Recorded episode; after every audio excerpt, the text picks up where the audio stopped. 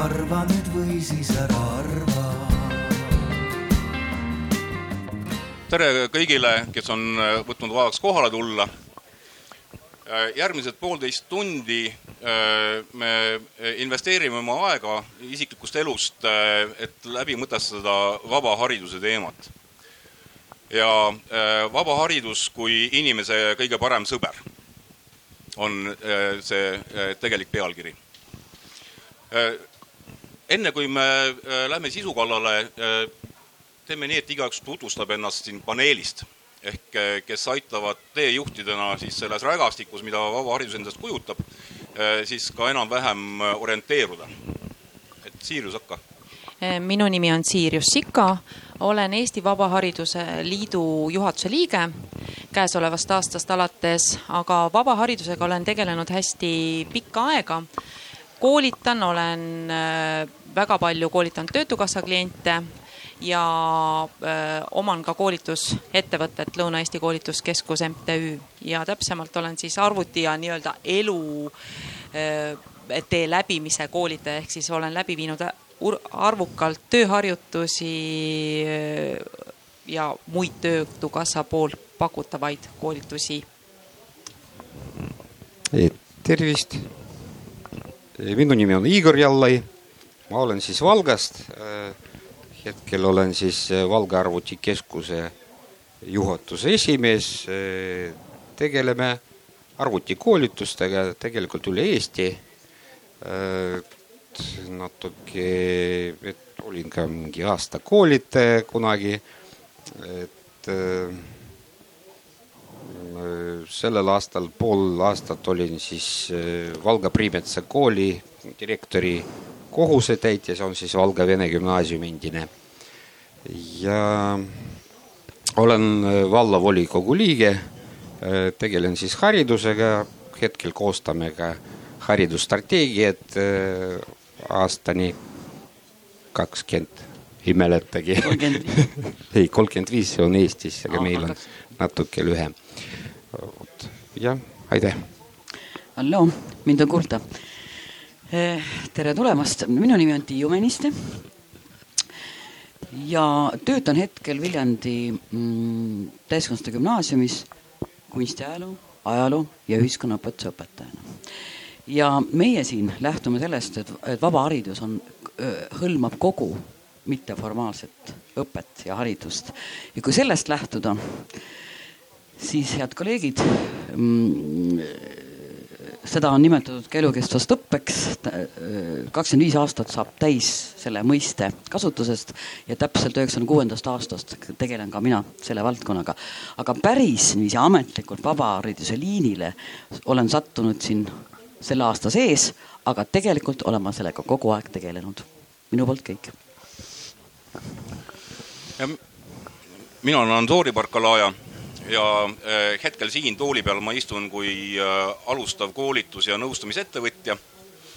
ehk äh, kui varasemad paarkümmend aastat on olnud mul pigem formaalhariduse erinevatel astmetel toimetamise tähal, siis nüüd vaatan ja uurin siis ka vabahariduse mitmekesist maastikku ja ühtlasi olen praeguse meie poolteist tunni moderaator nii, äh, nüüd natukene mängureeglitest, et me öö, mõtlesime öö, siis teemat jagada kolmeks, kuna kogu vabaharidusega seotud temaatikat ei jõua ka kolme päevaga lahti rääkida, siis keskendume peamisele. ja esimese ploki sees, mis peaks ideaaljuhul lõõmuma umbes kolmkümmend minutit, räägime süsteemi tasandist ehk mida tähendab üldises haridussüsteemis vaba haridus Äh, ja äh, mis on vabahariduse äh, selline võimalik roll praeguses olukorras, kus, mis meie ümber on. selle omakorda oleme mõelnud jagada nii, et, et umbes kakskümmend minutit me räägime ise. kui tohib. ja pärast seda on kümme minutit just selle fookuse jaoks on, on küsimuste esitamise koht Äh, võib-olla tekib mingisugune täienduse koht, me oleksime väga tänulikud, kui tekib mingeid mõtteid. Äh, ja siis lähme teise ploki juurde, teine plokk on seotud inimestega. selle iga süsteemi sees ei tohi kaotada inimest ja jälle muutuv maailm, muutuv haridussüsteem, võib olla probleemid, võib olla mingid võimalused. et see jutt käib siis vaba hariduse võimalustest ja rollist siis inimese jaoks. ja kolmas plokk on, on seotud võimalike lahendustega et mida vaba haridus saab, saab pakkuda välja nii süsteemi tasandil kui ka inimese tasandil eelkõige ja mis nende lahenduste elule tulekuks oleks tarvis teha. ja jälle samamoodi mõlema ploki juures kakskümmend minutit me äh, nii palju kui võimalik avame teemat ja siis tuleb äh, kümme minutit arvamuste vahetus. sobib niimoodi? tore, siis ma võtan, mõõdan aja ära et kõigepealt sissejuhatavalt, et, et, et mis keskkonnas või mis kontekstis seda vaba haridust tasub mõelda, et meil on tegelikult kaks väga suurt jõudu, mis mõjutavad juba ka meie elu ja tulevikus ka, ka meie laste elu. ja üheks on tegelikult teadustehniline revolutsioon number neli ajaloost me teame, et esimene TTR tõi endaga kaasa ludiitide sõja ja, ja tekkis palju pingeid ja asju. kahte vahepealset me isegi ei märganud. sest tööstuslik tootmine jäi tsehhidesse. Teine asi, miks me seda ei märganud, oli see, et, et haridussüsteem oli üles ehitatud kõige sellisema tootlikuma mudeli järgi, et, et, et ka koolis oli meil tootmisliinid olid klassi kaupa omad äh, tsehhid, et see kõik oli harjumuspärane. Nüüd seoses ZR4-ga on olukord järsult muutunud, sellepärast et äh, vot needsamad tootmisliinid on äh, üle võetud või ülevõtmisel väga kiiresti ai ehk siis tehisintellektiga poolt juhitud automaatsüsteemide poolt ja seda mitte ainult füüsilises töös, vaid tegelikult ka vaimses töös. väga palju vaimse töö tegijaid Äh, hakkab tööturult järjest ära kukkuma. Äh, Davose äh, majandusfoorumi poolt tellitud uuringud on näidanud, et, et töökohtade kadu, seniste töökohtade kadu võib ulatuda kuni seitsmekümne protsendini. see on päris, päris kõva, kõva number. loomulikult tuleb juurde uusi töökohti sest äh, on vaja inimesi, kes neid ai süsteeme suudavad käigus hoida, neid luua ja neid teha inimesele käepärasemaks. loomulikult tekib ja isegi tekib juurde neid töökohti, mis on vastukaaluks automatiseerimisele, see on human touch ehk inimlik puudutus. aga see inimlik puudutus, mis, mis on vajalik, nõuab tegelikult kõrgemal tasemel oskusi ja teadmisi kui, kui lihtsalt hooldamine. Nii et meil on äh, TTR neli, mis äh, äh, muudab järsult neid ootusi inimestele, kes, kes peavad midagi uut oskama ja teadma ja senine haridussüsteem seda ei võimalda. Need ülitõhusalt töötanud konveierid, milles Eesti on üks maailma parimaid, enam ei anna tulemusena seda, mida on tarvis ja see on probleem. Ja sellega seotud on teine oluline äh, mõjur, mis on Eestis juba äh, äh, toimetamisel, see on uus haridusstrateegia, mille peamised täiesti uued märksõnad või nähtused on asi, mida nimetatakse õmblusteta haridus. ehk asja mõte on see, et, et peab kuidagi järgnevalt saama nii, et inimesed saaksid liikuda ühest haridusvormist või õppeasutusest teise niimoodi, et äh, kultuurikatkestusi oleks võimalikult vähe ja inimesel äh, koguneks see vajalik hulk oskusi ja teadmisi, mis on äh, tuleviku töökohtadel tarvis. ja sellega seoses on tulnud lauale kuum sõna personaalsed õpiteed. no mida iganes see ka ei tähendaks. ja kogu selle kahe suure, väga suure mõjuri juures hakkab ilmnema huvitavaid asju, et formaal haridus, koolid, kutseõppekeskused, ülikoolid on küll katsunud leida mingeid lahendusi, sest äh, sellised pikad jäigad ahelad ju ei tööta. ja ülikoolid on näiteks välja mõelnud äh, äh, avatud loenguvormid äh, internetis, MOOC-id, jah, tuttav, tuttav teema äh,. on hakatud mikro- ja, ja nanokraadidest rääkima, sest au peab, on ju tähtis, pagunid õlal on, pagunitel tärnid on väga oluline Äh, kutseõppekeskused on äh, hakanud järjest rohkem pakkuma äh, üld või ütleme, gümnaasiumijärgset õpet. ja on ka lühendatud õppekavad, nii et ütleme, formaalharidus proovib reageerida. aga mul on tunne, et võib-olla see, see inertsus ja jäikus, mis on paratamatult sisse programmeeritud üldharidusele, ei võimalda sellele väga kiirete muutuste protsessile, sellele murdlainetusele Äh, normaalselt vastata ja äh, kui me uues olukorras, mis on üsna kaoseline, tahame saada lahendusi, siis on alati hea äh, mõelda, et, et aga kuidas varem oli. ja siinkohal ma küsiksin, Tiiu, sinu käest, et sul on doktoritöö lausa sellest kokku kirjutatud, et, et, et kas sellised inimeste teadmiste ja oskuste omandamise juures ehk selle haridusruumis on olnud midagi sarnast nagu praegu, sellist kaoselist asja olnud ka varem? Ja kuigi minu doktori, doktoritöö teemaks oli või nimetus on elukestev õpe ühiskonna pöördeaegadel. kaks tuhat üheksateist ma selle kaitsesin, siis me nimetasime viimaseks pöördeajaks digipööret, aga see, mis toimub täna, seda veel ette ei näinud. aga äh, vastates sinu küsimusele äh, ma lähtun siin ainult vaba, vabaharidusliikumisest ja seltsidest, vastan selles kontekstis. ja võtame kolm ajaperioodi võtame sõdadevahelise Eesti Vabariigi, Nõukogude perioodi ja siis üheksakümnendad.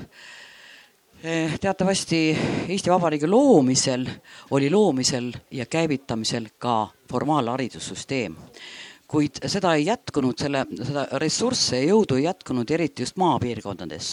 nii kutse mm, äh, jah, maapiirkonnas ja ei jätkunud ka ressursse tihti ka kutse ja, ja, ja gümnaasiumihariduse jaoks kuid kui me kõik mäletame Eesti ajaloost ja kultuuriloost meie rahvusliku ärkamise aja seltsid, kahekümnendal sajandil tulid, olid väga populaarsed haridusseltsid, siis Eesti Vabariigi ajaks oli tekkinud juba alt üles, mis on just vabaharidusele omane, alt üles initsiatiiv, vabatahtlik, oli tekkinud tohutult haridus, kultuuri ja ka erialaseltse.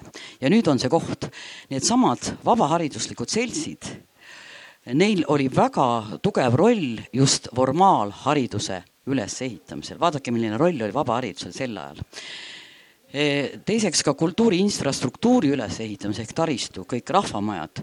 kolmandaks, vabaharidusseltsid lõid ju ka raamatukogude võrgustikku. kogu see võrgustik ja, ja struktuur, mis, mille üles ehitasid just vabahariduslikud seltsid, selle pealt me elasime ka nõukogude ajal tihti ja nüüd järgmine etapp Nõukogude perioodil mm, ju parematel aegadel, noh, selles mõttes, kui juba jällegi midagi lubati, ütleme sulaajal ja veidi isegi varem, eh, tekkis tohutu huviseltside, huviklubide buum. see on üks vabahariduse vorme. ja muidugi ka kultuuriseltsid. ja eh, nüüd mõtleks, et mis, mis roll oli siin nagu teistmoodi kui eh, Nõukogude perioodi eel. vabaharidusseltsidel oli ka vastupanukultuuri roll ma toon kohe ühe näite. Eesti Looduskaitse Selts, kui te mäletate, pealtnäha selline e, looduskaitse selts, vabahariduse sellise iseloomuga, kuid just seal e, realiseeriti ka tegelikult selliseid noh, kergelt vastalisi ja, ja muid, muid ideid. no teatavasti Looduskaitse Seltsis tuli see, tuli sümbolite mm, pakkumine edasi rahvuslikku ja nüüd viimased üheksakümnendad, kui ma siin alustasin elukestva õppe sellise välja tekkimine, siis just Vabaharidusliit ja Vabaharidusseltsid olid ühed esimesed, mis niiviisi alt üles Ähm, kasvasid, äh, ka nendest moodustus omamoodi tugistruktuur elukestva õppeväljale. nii et tal on äh, nii-öelda hästi laias laastus alati olnud pöördeaegadel selline uuenduslik roll, abistav roll ja ka riskide maandamise roll, kui niiviisi hästi laialt. aitäh mm. -hmm tahaks anda sulle rohkem aega, aga, aga äh, paraku äh, kellel huvi tekkis, et, et Tiiu doktoritöö, väga huvitav, eesti keeles. et, et on võimalik nagu äh, järele lugeda, aga Igor, äh, sinu käest ma tahaks äh, küsida hoopis hästi konkreetset kogemust seoses nüüd praeguse olukorraga. formaal- ja vabahariduse nendes protsessides, mis on noh, äärmuste kaudu on alati hea mudeldada tegelikku protsessi või, või olemust, et, et piirilinn, Valga, kõigi oma eripäradega, et, et kas sa oskad välja tuua midagi sellist süsteemi tasandil konkreetseid näiteid? kuidas on asjad kulgenud ja, ja kujunenud?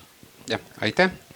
et jah, Valga, Valka, niisugune unikaalne koht, et no kuigi küsiti praegu praeguses olukorrast, aga, aga no vastan küsimusele, aga räägin ka kõikidele, et tegelikult see Valka oli väga huvitav koht kunagi ajalooliselt, et seesama Tsimse seminaarium, esimene koht oligi Valkas, kus eestikeelseid õpetajaid üldse ette valmistati. no ja tollel ajal see oli muidugi Läti Rižskaja gubernia, aga no hetkel Valga on osa linnast juba Eesti pool ja meil ka toimuvad no väga huvitavad protsessid ja kogu aeg saab võrrelda, kuidas on Lätis, kuidas on meil, kellel on, kuhugi mul hääl natuke kaob. et saab võrrelda neid asju. et mis meil siis toimub praegu üldse haridusega? Et olemas eesti, läti, venekeelsed lasteaiad, on olemas eesti, läti, venekeelsed koolid, kaugõppegümnaasium, kutseõppekeskus Valgamaa, et no nende reformidega ma ütleks päris hästi superolukord meil ei ole. et hetkel on täis probleeme, pool kutseõppekeskust on meil tühja, seisab, tahavad panna kinni kaugõppegümnaasiumi. et seal siis oli ka kunagi venekeelne osakond, kõigepealt seda liideti Valga Vene gümnaasiumiga, pärast seda pandi kinni koos ja no niisuguses multikultuurses linnas meil paljud inimesed ei leiagi oma kohta üldse haridusformaalses süsteemis ja lähevadki ära. no üks koht on Ida-Virumaa, kuhu lähevad näiteks venekeelsed lapsed, et kuna meie kutseõppekeskus ei pakugi nendele mingeid, mingeid võimalusi. et noh, võiks öelda, et saab eesti keelt õppida gümnaasiumis või põhikoolis, aga hakkasid toimuma väga imelikud protsessid, et praegu tulevad paljud-paljud inimesed tagasi, no kõige rohkem meil Valka tulevad millegipärast Iirimaalt ja Inglismaalt ja meie saame nüüd niisuguseid lapsi endale, kes näiteks oskavad ainult kahte keelt, see on siis inglise ja läti. Ja tulevad näiteks meie Valga Priimetsa kooli, mis on venekeelne ja seal on mingi eestikeelne ja toimubki see super niisugune keelekümblus nimetaks. et miks nad üldse tulevad ja niisugused siia, Lätis on ka tehtud päris palju reforme et no seda venekeelse haridust pandigi kinni ja nüüd, kui nad tulevad Iirimaalt või kuskilt ja laps õpib mingi seitsmendas klassis, nad proovivad siis leidma mingi kohta, kus, kus see sobiks nendele ja väga tihti see ongi Valga, Eesti-poolne. vot, aga päris palju huvitavaid asju on meil et näiteks koostöö huvihariduses, paljud lapsed käivadki Läti-Valka kunstikooli, et paljud Läti-Valka lapsed käivad Valga linnas igasugustes ringides, et koostöö toimub, aga ütlekski niimoodi, et situatsioon, situatsioon meil on täitsa unikaalne ja noh, natukene ma seda kirjeldasin. aga aitäh! Et loodetavasti me saame järgmises plokkides seda situatsiooni veel nagu laiendada, aga Sirjus, kas selle näite pealt annab kuidagi üldistada üle Eesti vabahariduse ja formaalhariduse hetkeolukorda ja vastastike suhete mustrit? meil ja praegu on äh, olukord Eestis siis järgmine, et, et kõigepealt pakub siis kõikvõimalikke oskusi meil formaalharidus äh,, nii üldhariduse, põhiüldhariduse, kutsehariduse kui ka ülikoolihariduse äh, baasil ja nüüd on uuritud, viimane uuring, mida HTM tellis, oli kaks tuhat üheksateist aasta, et mida siis teha sel, nende inimestega, kes siis on sellest formaalharidusest välja kukkunud. Ja probleem on tegelikult see, et meil on Eestis väga palju vabahariduslikke koolituskeskusi, aga nende tase ei vasta võib-olla sellele, mida need koolitatavad, kes nendest kursustest äh, või koolitustest osa võtavad, ei vasta nagu sellele, mida algselt lubatakse. HTM siis äh, tegi uuringu äh, ära ja siis tegelikult need protsendid olid sellised hästi kurvastavad, ehk siis nelikümmend viis protsenti koolitustest ei ole võimalik koolituse jooksul neid õpiväljundeid, mida on välja lubatud, üldsegi saavutada, mitte mingil moel. ja pakuti välja siis äh, uuringut teostanud äh, töörühma poolt lahendus, et viia need nii-öelda vabahariduslikud äh, koolitused taaskord ülikoolide, kutsekoolide tiiva alla, ehk siis, et hakata siis tagada seeläbi see kvaliteet, õpetamise kvaliteet, kursuste kvaliteet ja pakkuda siis inimesi, inimestele võimalust seda õpiteed jätkata. üks oluline asi sealt on ära ununenud. inimene, kes on jätnud oma haridustee pooleli, kas siis põhikoolis, gümnaasiumiastmes, kutsekoolis või ka kõrgkoolis, on äh, suure tõenäosusega kogenud väga ebameeldivat emotsiooni. ta ei ole selle üle õnnelik, et ta on selle ära kogu see tee on nagu katkenud. ja kui nüüd äh, me nagu pakume välja, et sõbrad, tulge uuesti siia tagasi nendesamade õpetajate juurde aga noh, me nimetame seda natukene teistmoodi lihtsalt, aga no tulge, et me ju tegelikult nüüd oleme siis äh, kuidagi teie moodi äh, te, teile natukene äh, sõbralikumad, usaldusväärsemad ja äh, võib-olla saame teid aidata, siis tegelikult see, see ei kõla usaldusväärselt nad ei tule sinna tagasi, kui eh, neid sellisel viisil uuesti eh, kutsutakse. ja see on nüüd see eh, koht, kus, kus siis nagu vabaharidusel kui ka nendel õppekeskustel laiemalt oleks see võimalus võib-olla sillutada seda teed tagasi uuesti formaalhariduse juurde, et seal peaks kindlasti olema üks väike vaheetapp ja siis võib-olla saaks ta sujuvalt sellele õmblusteta õppeteele tagasi tulla okei okay., et kokkuvõttes ma saan aru, et äh, vaba haridus on äh, algselt mänginud seda rolli, et, et üldse läbi katsetada mingeid võimalusi äh, formaalhariduse tekkeks. on võetud riskimaandus, täiesti uute valdkondade otsimine nagu vesi, mis voolab sinna, kus on tühi koht. siis on ootamatute olukordade nagu Iirimaa naasjad Äh, probleemide lahendamiseks ja äh, siis praeguses olukorras ka äh, on vaba haridus see, kes täidab neid lünki, mida formaalharidus ei suuda ära panna ja me natukene puudutasime juba probleemi kohta, et vaba haridust sellisel kujul proovitakse ära kodustada formaalhariduse rüppe. kas on tekkinud vahepeal mingeid mõtteid? Et kui on äh, mõtted, küsimused, siis ma kohe, andke märku, ma tulen juurde, lülitan mikrofoni sisse, siis kui ma jõuan kohale. ja äh, siis loodetavasti te saate vastata. oot-oot-oot, oh suurepärane.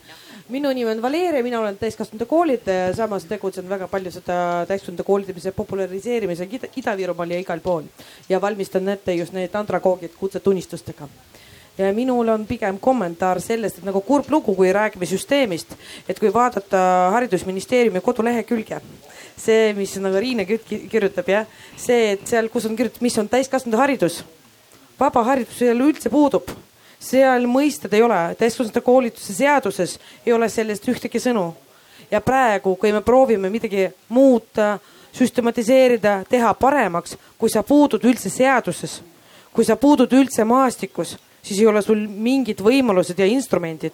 ja praegu, kui kõik räägivad, et nagu kohalik omavalitsus peab seda ka toetama, see mitte ühtegi inimest kohalikus omavalitsuses, kes tegutseb täiskasvanute haridusega, ei ole et arengu, linna arengustrateegias ei ole mitte ühtegi sõna sellest ja raha eelarves selleks eraldi rida puudub.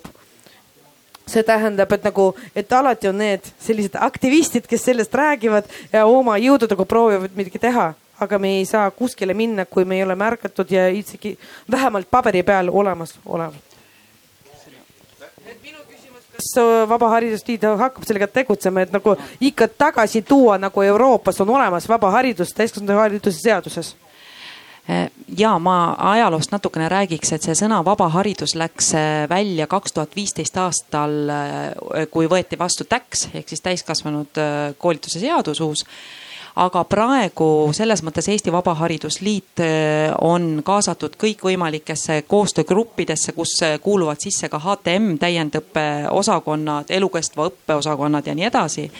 ja äh, ma võin küll ütelda, et mina teen kõik selleks koos oma liikmeskonnaga, et see sõna vaba haridus tuleks tagasi Eesti seadusloomesse sest et see on eestikeelne sõna, see on ammu olnud ja tegelikkuses noh, praegu ka, kui me siin räägime, et siis me räägime sellest mõistest, et mis see vaba haridus on. kõik see, mis jääb formaalharidusest välja, see ongi vaba haridus, mul on vaba valik kujundada oma äh, haridusteed, toimetada sealt ise edasi. et see kõik on ja, ja ma loodan, äh, siiralt loodan, et need äh, töögrupid tulevad taaskord, noh, kevadel me lõpetasime, hästi tulised valid, vaidlused olid, aga ma loodan, see mõiste tuleb tagasi, sest et haridusministeerium on juba ka aru saanud, et on mõistlik tulla selle mõiste juurde tagasi kui teil tekib ettepanekuid, noh, mida mina tegin seal äh, töörühmas ettepanekut, et see formaalharidus võiks mõelda ka ühe ilusa eestikeelse sõna, mis asi see on, et see formaalharidus meil on võetud vastu, noh, ingliskeelselt, eks ju, terminoloogia üle, aga me võiks mõelda täpselt samamoodi Lianne Teder Tallinna Ülikoolis, olen elukestva õppe suunas ja õpetan küll noorsootööd, aga me tegime oma kolleegidega ühe uuringu sellel samal teemal, mida te käsitlesite, see on ilmunud Eesti Hariduse ajakirjas ja ta on küll kahe tuhande üheksateistkümnenda aasta seisu andmetega. ja me vaatasime just neid poliitikadokumente, kui palju esi, esineb seal sees mõistet mitteformaalne õpe.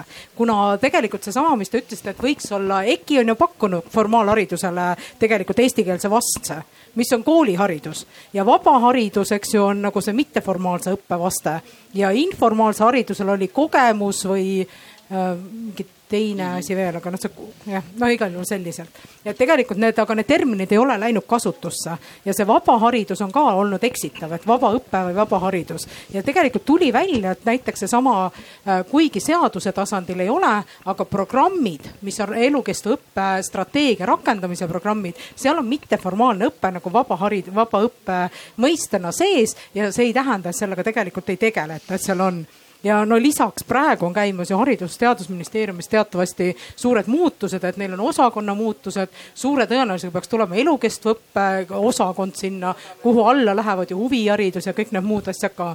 nii et selles mõttes ma olen nagu ühest küljest päri, aga me ei saa ütelda, et need ei ole, aga need ei ole läinud kasutusse sellisel moel aitäh, mul on pärast Igorile üks küsimus, aga võib-olla kui see teema lõpeb, võib kohe ära küsida ah,. ma tahtsingi küsida, Igor, et kuidas te äh, tõite hästi huvitava selle Läti ja Eesti kokkupuutepunktid. kuidas Läti haridussuunad, needsamad personaalsed õpiteed ja meil, meie poolt sõnastatud õmblusteta haridus, kuivõrd need ühtivad siis selle Eestiga, et kuidas, kas teil sellist hariduskontseptuaalset lähenemist äh, kuidagi põrkub ka omavahel? aitäh. aga suur tänu küsimuse eest. Mina tahtsin veel enne natuke Valeriale ka vastata, et tal on täitsa õigus, et seesama, meil praegu hakkab see strateegia arutelud algasid ja esimene asi oli üldse, kas seda, kas üldse täiskasvanute haridus on haridusstrateegia osa. no see oli täitsa arutelus ja no praegu Valgas me otsustasime, et ikkagi ta on ka haridus ja ta läheb sinna alla, siis ja, ja, ja mind praegu määratigi sinna täiskasvanute õppeasutuse juhina praegu sinna komisjoni, aga vot no niisugune praegu olukord on, et noh, et milleks see vald peaks olema või linn üldse selle haridusega tegeleda. Ja no esialgu ma pöördusin ka Andrase juurde, et palusin mind kuidagi sinna no Andrase poolt kedagi. vastati ka, et nad eriti ei, no ei sovi, et see on valla asi üldse, kuidas te seda strateegiat teete ja umbes niisugune asi. niisugune. mind kutsuma, ma oleks no, tulnud. jah, aga ka seal nagu eri, erilist soovi ei ole. Et probleem on väga suur, et praegu meie ikka arutleme seda ikkagi koos ja noh, et üks põhjus on ikkagi, et no las mul on veel teine Lätist ka ahah, Lätis, Lätis, Lätis. Mul oli seal veel, taha, tahtsin veel vastata. Lõpuni, aga hea küll, küll ma, küll ma veel võtan kunagi sõna, et Lätis äh, väga huvitav võrrelda muidu neid asju, kuidas ta toimub. Äh, üks asi näiteks seesama meie tiigrihüpe. Äh, kui te mäletate, oli niisugune programm, lätlased käisid meie juurde ja kõik no ütlesid, no super asi, see on no ma ei tea, suurepärane ja, ja, ja, ja kõige parem programm maailmas ja täitsa kadestasid meile, meil olid kõik klassid, olid programmid, õpetajad. et nüüd paar aastat tagasi saime jälle kokku, kuidas teie tiigrihüppega on. aga meie tiigrihüppega on täitsa halvasti kõik. koolides enam arvutiõpet ei ole et no mingid paar gümnaasiumi, Nõo reaalgümnaasium, mingi Tallinna reaalkool ja Narva Pähklimäe, no mingi kolm kooli jäidki Eestis, kes veel õpetavad seda programmeerimist näiteks. muidugi võiks olla, et, seda ei ole kellelegi vaja ja see ongi vabahariduse mingi teema, aga no lätlased natuke formaliseerisid seda, et see ei ole nagu vaba aine, et pantigi, et kuuendas klassis peab olema seitsmendas, et nüüd nemad teevad olümpiaadi kõike, meil on ainult individuaal mingid osalejad, tavaliselt need on mingi õpetajad, lapsed, umbes niimoodi, et endale nad õpetavad. et lätlased jah, nad natuke rohkem formalisi-, formaliseeritud, neil on kõik see asi. aga no sinna eraldatakse ka juba vahendeid. aga meil on täitsa jäetud no vabakäelist neid kõik asjad. no vot niisugune võrdlus praegu on, no võib-olla see turg peaks midagi äh, pärast lahendada neid probleeme, aga, aga tegelikult äh, kõik on halvasti, aga noh, selle uue olukorras nüüd tulid kõik need probleemid välja. tõenäoliselt äh, mina oma seda täiendkoolituse asutuse juhina ütlesingi, et me olemegi kõik need kõige kõrgema taseme, nüüd pärast ülikooli tulevad läbi Töötukassa meie, meie juurde õpilased, kellele ma õpetangi, kuidas ID-kaarti kasutada ja ma ei tea, kuidas eh, rea lõpus ära vajuta enterit ja ära pane kaks tühikut ja umbes niisuguseid asju. ja küsin, no mida te gümnaasiumis õppisite? robootikat. no umbes niisugused vastused, et tulebki välja, et meie oleme see kõrg koos Töötukassaga muidugi kõige kõrgem eh, haridustase, vähemalt eh, arvutiõppes. et jah, aga ma ei tea, kas ma vastasin, aga probleem, ma pigem tõstatasin veel probleeme juurde, aitäh ma hästi kiiresti kommenteerin äh, Igori seda vastust Jannele. no muidu mul ei lasta rääkida, ajaloolased räägivad pikalt ja ma nüüd saan sõna. et äh, mul jäigi ütlemata üheksakümnendatel, et just vabaharidusseltsid ja koolituskeskused olid need enne tiigrihüpet, hüpet, kus sai arvutikoolitusi, keeled, arvutikoolitusi sotsiaalse kommunikatiivsed oskused, aga nüüd Igori näide oli täpselt see, kui see läks lõpuks formaalhariduse väljale. Uhked nimed, tiigrihüpe ja need teised, eks ole, ja mis tast lõpuks sai. ja eks ole, ma, ma arvan, et see oli täpselt see näide, et ja nüüd on jällegi, me oleme jällegi ühe pöörde ees kriis ja ilmselt meil tuleb jällegi hakata vigade varadusi tegema ja seda kõike ainult vabahariduse raames. ahah, kuna meil ploki aeg sai, sai otsa ja järgmine plokk on tegelikult väga huvitav, palju huvitavam kui süsteemist rääkimine. ehk see on inimestest rääkimine ja inimene on selle süsteemi sees, et, et kui kellelgi on, jäi küsimuse üles, et võib-olla natukene fookust nihutades on võimalik ka järgmise ploki lõpus küsida. Aga, aga liigume edasi, et, et, et nüüd enam-vähem saime mõne puutujaga ära kirjeldatud siis maailma majanduses ja maailma hariduses toimuva, selle järellainetus Eestis toimuvaga ja ka mõned olukorra kirjeldused siis nii Eestis kui ka, kui ka näiteks Valga linna näitel. ja saime aimu, et, et vaba haridus on see vesi, mis voolab sinna, kus on tühjad kohad.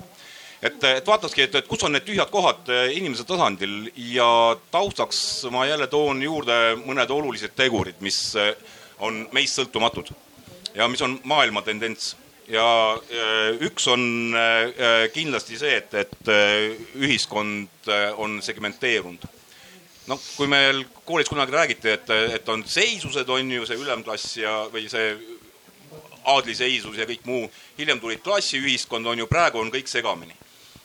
Et äh, üsna palju on, on selliseid hästi palju erinevaid segmente, mis on suuresti ka jaotatud äh, haridustaseme järgi.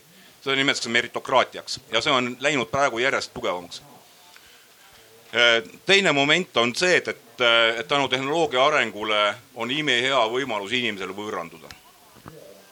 ma lähen interneedusse, ma, ma ei lähe inimestega füüsilises kokkupuutesse, see on väga hea sõnum muidugi äh, introvertidele.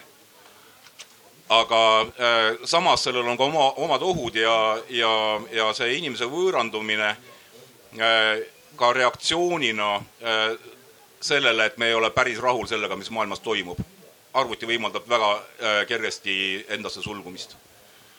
ja äh, kolmas probleem, mis nüüd tsunamina hakkab tulema ja see on ka äh, see probleem, mis on otsapidi seda ai või tehisintellekti põhist automatiseerimist nüüd hakanud takistama. tehnoloogia juba võimaldab, omanikud, ettevõtjad hästi ei julge. see on seesama asi et, et, seitsekümmend protsenti töökohti kaob Äh, miljardid inimesed muutuvad üleliigseks. aga veel ei osata välja mõelda, et mida nende üleliigsete inimestega peale hakata. Äh, jah, on eksperimendid, selle asja nimeks on kodanikupalk. Äh, Soome on proovinud, Šveitsis arvati, et võiks juba, juba kehtestada, rahvas oli vastu et põhimõtteliselt äh, see üleliigsete inimeste äh, probleem järjest kasvavas kaliibris ja millega ei, ei suuda tegelikult ka äh, formaalharidus hakkama saada, sest neil on ikkagi ette antud formaadid. meil on ikkagi on, on konveier, ikkagi on mängureeglid ja kõige selle sees on inimene jäänud üksi. nii globaalses plaanis kui ka tegelikult ka Eestis, et, et see on see, see taust, mille, mille äh, Äh, sees on äh, Vaba Hariduse Liidu inimesed, äh, ülikoolide inimesed, ministeeriumide inimesed on moel või teisel katsunud puutuda. ja, ja, ja võib-olla on siis ka täna paneelis olevatel inimestel mingi mõte on öelda, et, et sellesama segmenteerumise, kihistumise, võõrandumise ja üleliigseks muutumise taustal süst-, suures süsteemi muutuses, et ma samamoodi küsin äh, igaühe käest eraldi nagu eraldi rakursi, mida minu kodutöö on öelda, et, et oskate kõige paremini puutuda, et alustaks Igorist, et, äh, et äh, pole kellegi saladus, et, et meil on see hariduslik ja ühiskondlik kihistumine tegelikult nii piirkonniti ääremaastumine kui ka äh, äh, rahvust pidi. ma ei pea silmas äh, venelasi, vaid tegelikult ka ukrainlasi, tatarlasi ja kõiki, kellel on taust teistsugune või uussisserändajaid kui, kui, kui põhirahvusel. aga aitäh, et uussisserändajaid juurde võiks ka tagasitulijaid nimetada, et noh, väga hea sõna mulle meeldis Kalevipoed, need, kes tulevad nüüd tagasi äh, aga jaa, väga-väga see killustatud praegu on niisugune ühiskond, et no rääkisid, et äh, arvuti annab äh, võimalust äh, introvertile ja kus kuidagi seal ennast peita, aga on olemas ka niisugused äärmused, et mõned ja tavaliselt nad on veel mehed, et ütlevadki mingi koolitustel või et mina ei kasutagi seda arvutit. Prints-, no printsipiaalselt ei võta, ei istu, saan ilma ja need inimesed on veel rohkem kadunud meie ühiskonnas, vähemalt läbi Facebooki nad kellegagi, need kasutajad ikkagi suhtlevad, aga need inimesed, kes seda ei kasuta ja elabki mingi talus ja no tuleb välja, et ta üldse ei ole kursis, mis toimub ja ja väga huvitavaid inimesi tuleb. Mida teha nende ülejäänud inimestega, et meil on olemas niisugune asi nagu Töötukassa et äh, ongi välja mõeldud, Sirius ütles, et ta ka tegi mingeid tööharjutusi äh,, pannakse sinna neid inimesi kokku ja proovitakse neid sotsialiseeruda äh, tagasi ühis, ühiskonna viia, see on ka super, super asi, aga rääkisid ka konveierist äh,. Mõned inimesed ei satugi sinna konveieris, kui ta ei lähe Töötukassa arvele, keegi teda ei puuduta ta võibki, no tal oma mingi talu on, on oma mingi põld, et ta on isegi sellest konveeri, konveierist välja ja mis temaga nüüd juhtub. et noh, nii palju erinevaid variante ja mina küll arvan, et praegu vajagi rohkem just individuaalseid, mingi individualiseerida seda lähenemist inimese juurde, selgitada jälle kõiki neid probleeme samas Töötukassas on karjäärinõustajad, kõik koolitused tasuta. aga noh, jälle räägime neist, kes ka sealt nagu jäid välja sellest süsteemist, siis nemad ei saagi mingit abid ja ei tea, võib-olla varsti tulebki kaks sorti inimesi, mitte venelased ja eestlased või ukrainlased, vaid need, kes on mingi internetimaailmas ja need, kes on kuskil mingi põhjuse peal väljas. no vist aitab praegu, ma vist jälle ei vastanud täpselt. võib-olla kui tuleb küsimusi, siis saab äh, seda rida pidi minna edasi, aga, aga Tiiu äh, äh, nüüd sama küsimus, aga, aga mitte regioonipõhiselt või, või äh, kultuuritausta põhiselt, vaid äh, vanusepõhiselt.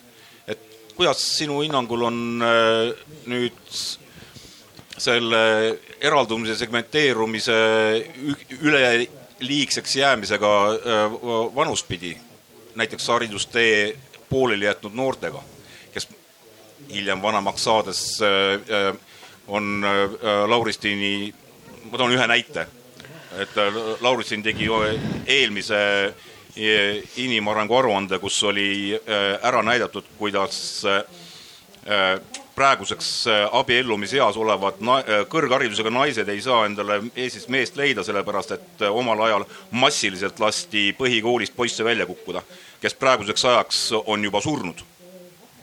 Enamasti alkoholiga seotud probleemide kätte, et, et kuidas see, see sinupoolne vaade nende pro probleemidesse on, mis moel või teisel jõuavad vabahariduslike vajadusteni välja? jah, siin on, tahaks mitmest muust asjast ka rääkida, aga siiski jah, see on hea küsimus. Tegelikult need puudutavad kõiki. Ehm, ma korraks lõpetan selle ühe teema. Ehm, tegelikult ka formaalhariduses, Ansori ja head kuulajad, on segmenteerumine. seesama Lauristini seltskond ja nii edasi, nad on, veel ei ole välja andnud seda uuringut, et üks kolmandik ehm, ka praegu formaalhariduses õppivaid noori ei soovi seal olla, sest sellesama tohutu ülestandardiseerituse muude probleemide pärast ja mitte ainult õpetajate pärast, see on üks moment. nüüd teine eh, minu, minu doktoritöö uuringus tuli eh, väga ilusti välja, et tegelikult see ähm, nii-öelda elukestvas õppes osalemine ehk siis ka vabahariduses erinevates õppevormides osalemine, see kultuur lõpuks ikkagi tekkis ka, ta ületas elukaare need teemad, et ka vanemad tulid see on üks moment, et, et see kultuur on olemas iseenesest, aga nüüd, aga meie räägime täna hetkel nendest, kes on kuhugi ära kadunud, nii nagu mina nimetasin neid loovujateks. Et siit tuli meie ekspertintervjuudest välja väga tore, väga hästi see, et võib-olla me räägime ikkagi praegu põhjustest jällegi. üks põhjus oli ka see, mis tootis äh, juba järgmist põlvkonda, neid noori, oli see, et, et üheksa, äh, kui tulid need toetused toimetulekutoetused, nendes ei olnud õppimise nõuet e-, enese täiendamise nõuet pikka aega ja nagu mm, sotsioloogid nimetavad, neil tekkis aitaja vari kõrvale. et need eh, alles viimase struktuurifondi perioodi jooksul hakka-, tulid need eh, õppimise nõuded ka juurde. nii et kusagil me oleme eh, lasknud ikkagi noh, niisuguse augu, et need inimesed ka töötukassad ja kõik, kes neid tahaksid üles otsida, mitte ainult töötuna, vaid ka lausa, eks ole, heitununa ja üldse loobujana, neid ei leita üles ja kõige hullem on see, et, et nad toodavad ka järgmist põlvkonda, kes, kes ei tule kooli. kas see oli see vastus või lähen edasi, ma, kuna ma olen täiskasvanute gümnaasiumis siis ma näen ju ka väga erinevat, kes tuleb ka kaheksandasse klassi, noh, viiekümne aastased mehed, kes lõpetavad seda viimast põhikooli, nii et seal on väga erinev kontingent, keda kes võiks juba järgmisse, ütleme gümnaasiumiastmes, ta mulle, mulle ütles kevadel üks lõpetaja, et ma ei lähe, ei lähe rohkem, et ma ei taha õppida, aga vaat siin on jälle, kas mitte vabahariduses võtad midagi öö, kergemat, pehmemat ja, ja sa näed, et õppimine motiveerib taas õppima, et sa tuleksid tagasi. No sa tabasid väga valusat sellist tuiknärvi, et, et see ärimudeli ülesehitamine sellele, et ma elan äh, tugirahadest, on ju, ja, ja üldse ei proovigi august välja saada. aga äh, järsku siin Igori ja, ja Tiiu nagu, nagu poolt välja toodud äh, selliste oluliste lõimide pealt on Siirius sul midagi üldistavat öelda? jah, tegelikult on suur probleem meil Eestis ka see, et õpivad rohkem need, kes seda tegelikuks toimetulekuks nii väga ei vaja. meil on äh, viimase kahe aastakümnega tulnud selline uus liik inimestest, sariõppijad et nad õpivad igaks juhuks, nad vaatavad ettepoole, et, et, et seda ja toda ja toda ja seda, eks ju. aga tegelikkuses ütleme, et riigi poolt ja ka vabaühenduste poolt äh, peale pandud või fokusseeritud vaatesse on rohkem ju haaratud need, kel, kellel on seda vaja. aga need, kellel on seda väga vaja, nemad tihtipeale ei saa ka aru, et nendel on seda vaja. et nad on leppinud oma selle olukorraga, kus nad siis on ja noh, neid nimetatakse, Tiiu ütles viisakalt, eks ju, loobujateks, nimetas tema oma doktoritöös ametlikus keeles öeldakse ka heitunud, noh üsna karm. aga et äh, see kõige suurem probleem ongi see, et nad ei äh, ei saa ka ise aru, esiteks, et neil on vaja kuskile edasi liikuda ja teine asi, et kui nad ka sellest aru saavad, et siis äh, tekib see selline piir ette, et nad ei taha kuulda sõna, mis algab, äh, mille algus on õpi, noh, on see õppimine või äh, õpioskused või õpiampsud, et see nendel mm, mälus kangastub mingi väga-väga ebameeldivaga ja nad ei usu seda kahjuks, et äh, et võiks olla võimalus siiski läbi selle arengu öö, naasta äh, sellisele täisväärtuslikule elu, elu juurde, kus siis oleks noh, seesama, et, et Igor ütles, et meil istuvad inimesed on kuskil maal hajaasustuses laiali, nad äh, ei, väga ei suhtlegi kellegiga, lihtsalt on, ehk siis, et äh, neid haarata sinna kogukondadesse uuesti tagasi. ja noh, Tiiu äh, puhul, eks ju, needsamad noored inimesed, kes järjest rohkem tegelikult peidavad ennast sinna internetimaailma ja arvavad, et sellest neile piisab ja neil ei olegi midagi muud vaja. ja muideks ma pean ütlema, et tänapäeva noored, need, kes langevad ka sellisest formaalharidusest välja, nad on üsna vähenõudlikud. et ega neil väga tegelikult nende arvates ei olegi midagi vaja, et andke natukene süüa ja las ma siis olen omaette ja, ja, ja noh, mulle sobib see ka. et see on jälle see võib-olla eh, enda matmine sinna kuskile endale müüri ehitamine ja, ja ütleme, et nii, et nõukaajal oli meil äh, see periood, kus hästi palju tehti ühiselt, et nüüd meil see uus Eesti Vabariigi aeg, me oleme järjest-järjest läinud nagu eemale üksteisest ja nüüd noh, viimase aja trend on see, et me oleme hakanud mõtlema selle peale, et kuulge, sõbrad, koos on ka ju öö, tore olla ja tegelikult koos saame asjadest üle. Tiiul oli kommentaar selle peale. ja, et seesama selle mm, Äh, nagu Siirius mainis, et nad on kusagil ja nad ei tahagi enam, tõepoolest seal ekspertintervjuudes tuli välja minu doktoritöös Töötukassa ja mitmed teised valdkonna inimesed ütlesid, et nad ei, nad ei võta isegi neile, nad ei võta isegi neid igasuguseid toetusi või noh, nad on kuhugi ära kadunud, aga teine nüüd moment veel, kui, kui üheksakümnendatel Vabaharidusliit tekkis ja, ja ta kiiresti, kõige kiiremini käivitus see oli nii-öelda nappuse tingimustes, ressursse üldse ei olnud. aga nii nagu ma mainisin, see viimane struktuurifondi periood oli niivõrd rikkalik, et, et nad ütlevad, Töötukassa inimesed ütlevad, et me peame oma teenuseid rappima, sest me ei jõua nagu neid ära hallata, aga kus on nüüd need, kes abi vajavad, nii et me oleme nagu jõudnud, me jõudsime siin viimases etapis natuke teise äärmusse. meil oli võimalusi ja üsna paindlikud isegi, aga ei olnud enam, kellele pakkuda. vaat nüüd ongi see koht, me jõudsimegi sellele kohale, et kes nad üles otsib, kus nad on, sõbrad, ja kas vabaharidus aitab. Aga selle Tiiu küsimuste äh, pealt, mis oli üsna retooriline nähtavasti, äh, äkki on teil tekkinud ka mõtteid, küsimusi, kohe tulen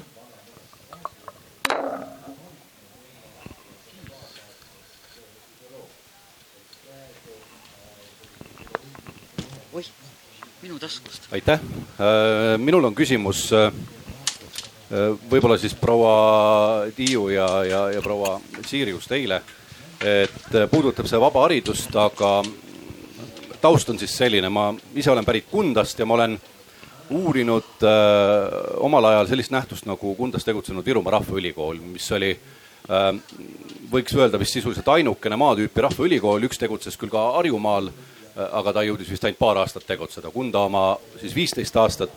ja, ja ta oli maatüüpi rahvaülikool selles mõttes, et äh, noored, kes seal õppisid, võetigi semestriks või kaheks kokku, nad elasid koos, töötasid koos, õppisid koos. ja, ja läksid siis kevadel, kui hakkasid maatööd uuesti pihta, kodus abi oli vaja, läksid tagasi ja sisuliselt kasvatati seal maasoola. see on siis üks osa sellest küsimusest. Teine osa, me teame, et Taanis sellist tüüpi rahvaülikoolid tegutsevad ka täna. viis-kuus aastat tagasi, kui ma selle kohta rohkem lugesin, võib-olla ma mäletan valesti, aga üks kuuskümmend kooli äkki ma mäletan, võis olla tol hetkel seal tegutsemas. Äh, mis selliste põhimõtetega tegelevad, ehk siis mitte linna tüüpi rahvaülikooliks siis nimetatakse selles kontekstis mm, noh, ütleme siis tinglikult on ju neid rahvaülikoole, kus me kursusepõhiselt on rahvaõpistud äkki või? Äh, just, just. ja, ja minu küsimus oleks siis see, et kui me räägime nendest NEET-noortest, kes on kuhugi kadunud ja, ja, ja meie tänane formaalharidussüsteem ja, ja ka vabaharidussüsteem võib-olla ei kutsu neid NEET-noori nagu välja, ehk, ehk siis kas, kas selline nähtus nagu maatüüpi rahvaülikool kui ta täna olemas oleks, võiks seda lahendada. või siis teistmoodi küsides, et kas maatüüpi rahvaülikoolist on meil täna puudu või on ta täna meil kusagil süsteemis olemas ja teda ei ole vaja? kes vastab, ma vastan no ma vastan ajalugu ruttu, lähiajalugu sellega. ja ma just alles hiljuti lugesin tänast ette valmistades. Ehm, ehm, Eesti Vabariigi Liit sai kaks tuhat üheksateist, kakskümmend, kahekümne viie aasta, aastaseks ja see oli jällegi huvitav vaadata, et üheksakümnendatel taheti täpselt sedasama rahvaõpistute süsteemi eh, teha, mis on just maa, maapiirkondade, aga Põhjamaades, kus me olemegi nagu eeskuju võtnud ka nüüd uuel ajal, eh, on see süsteem koos internaadiga ja seal elamise võimalusega.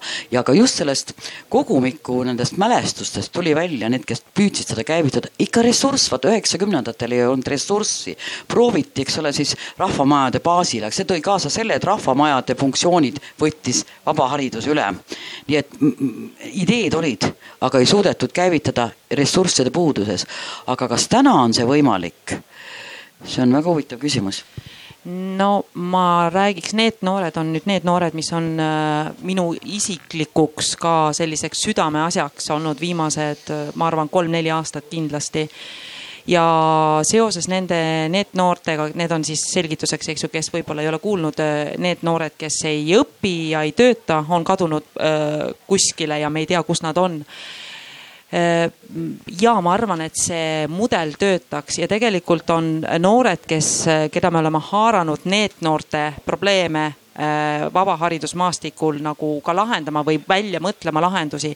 ka nemad on pakkunud sellist varianti, et kutsuda need või leida need noored üle äh, läbi selliste asendustegevuste, noh a la, et äh, sõbrad, me siin väikestes maakohtades teeme mingi sellise ringi, kus me hakkame parandama, tuunima oma autosid. Kes tahab tulla? vabalt, kõik tulge ja siis läbi selle äh, hakka, noh, kui nad hakkavad seal juba koos käima selles kogukonnas, eks ju, siis sealt tasapisi, tasapisi tulla tagasi sellele haridusmaastikule, kus me seda sõna õppimine väga ei, ei, ei maini. aga läbi selle tegevuse noh ja läbi selle abistava kogukonna, selle ühise mineku ütlevad äh, noored, et äh,, et see võiks töötada, ma arvan, et see töötab, aga me sellel pinnal nagu projekte teeme, nüüd kohe lähevad ka need NEET-noorte projektid lahti. et kes, kes ei tea, kuueteistkümnendast avatakse uued voorud, ESF-i voorud, et siis kiirut-, kiirustage, seltsimehed unetud Le. Leero. no mina natuke kommenteeriks, et jälle noored ja noored, aga tegelikult meie mm, sellest valdkonnas peab kaasata ka vanemaid inimesi, kes praegu nagu ei tohigi öelda, et kõik ainult noored on meil välja langenud. ja no ma ei tea, Tartu, kui vaatate praeguse Tartu Rahvaülikooli, ma vaatasin viimati ka neid koolitusi, mida nad pakuvad, no olid super, mingi vaarika veini, ma ei tea, valmistamine, maasika kasvatamine ja võib-olla sinna äh, tuleksid ka kõik välja, aga kindlasti üks väike kunda, noh, vabandust suur kunda võib-olla, aga ta ei saa kõiki, kõiki neid äh, võimalusi pakkuda. siin võiks ollagi mingi, no ma ei tea, koos võrgustik, et võib-olla Tartu vaarika mee valmistaja tuleb ükskord Kundasse, ükskord veel kuhugi ja no seda süsteemi vaja kuidagi tekitada, luua. et vot noh, niisugused kommentaarid tuleksid. aitäh. jah, aitäh, suurepärane idee, et selline süsteem luua. aitäh küsimust. inimestest, et nagu inimese eesmärk on missugune praegu, et kui, kes tegutseb inimesega, on ainult Töötukassa praegu tegelikult nagu on nende eesmärk on töö leidmine. kõik need tööklubid, tööharidused, motivatsiooniklubid, kõik need, lõpp-punkt on töö leidmine, aga praegu see inimese nagu iseenda leidmine, kes ma olen, kuhu ma lähen kes peab selles nagu riigis mõtlema, et inimene ise mõtleb sellest, aga see puudub praegu see koht, kes temaga koos sama ülesanne lahendab, kes ma olen ja kuhu ma lähen. et ma ei tea, kas kompetentsikeskused või mingid nõustajad, personalise õppetee nõustajad, keegi, kes sama eesmärgi lahendab temaga ja mina ei tea, kui inimene küsib, kuhu minna, ma ei tea, kuhu, kuhu ta peab minema see on koht, kus vaba haridus saab väga tugevalt äh, õla alla panna ja, ja toimetada. Ja mis ma eelmiseks veel Igori kommentaariks ma ütleks, et, et äh, ülesanne, mis tuleks praegu ära lahendada ka ja millel saab vaba haridus väga oma võrgustikuga toeks olla, ongi seesama, et me ei koonduks nii väga keskustesse, sest et meil on praegu probleem ka ühistranspordiga, inimestel eh, ei ole võimalik koolitustele tulla lihtsalt sellepärast, et nad, neil ei lähe bussi või buss läheb ainult üks kord päevas. et see tegelikult see võimalus luua ikkagi kogu Eesti pinnal, mitte ainult keskustesse. ja see on ka noh, kuna näiteks Eesti Vabaharidusliidu liikmed on meil paiknevad üle Eesti ka väikestes kohtades, et see on üks võimalus appi tulla öö, inimesele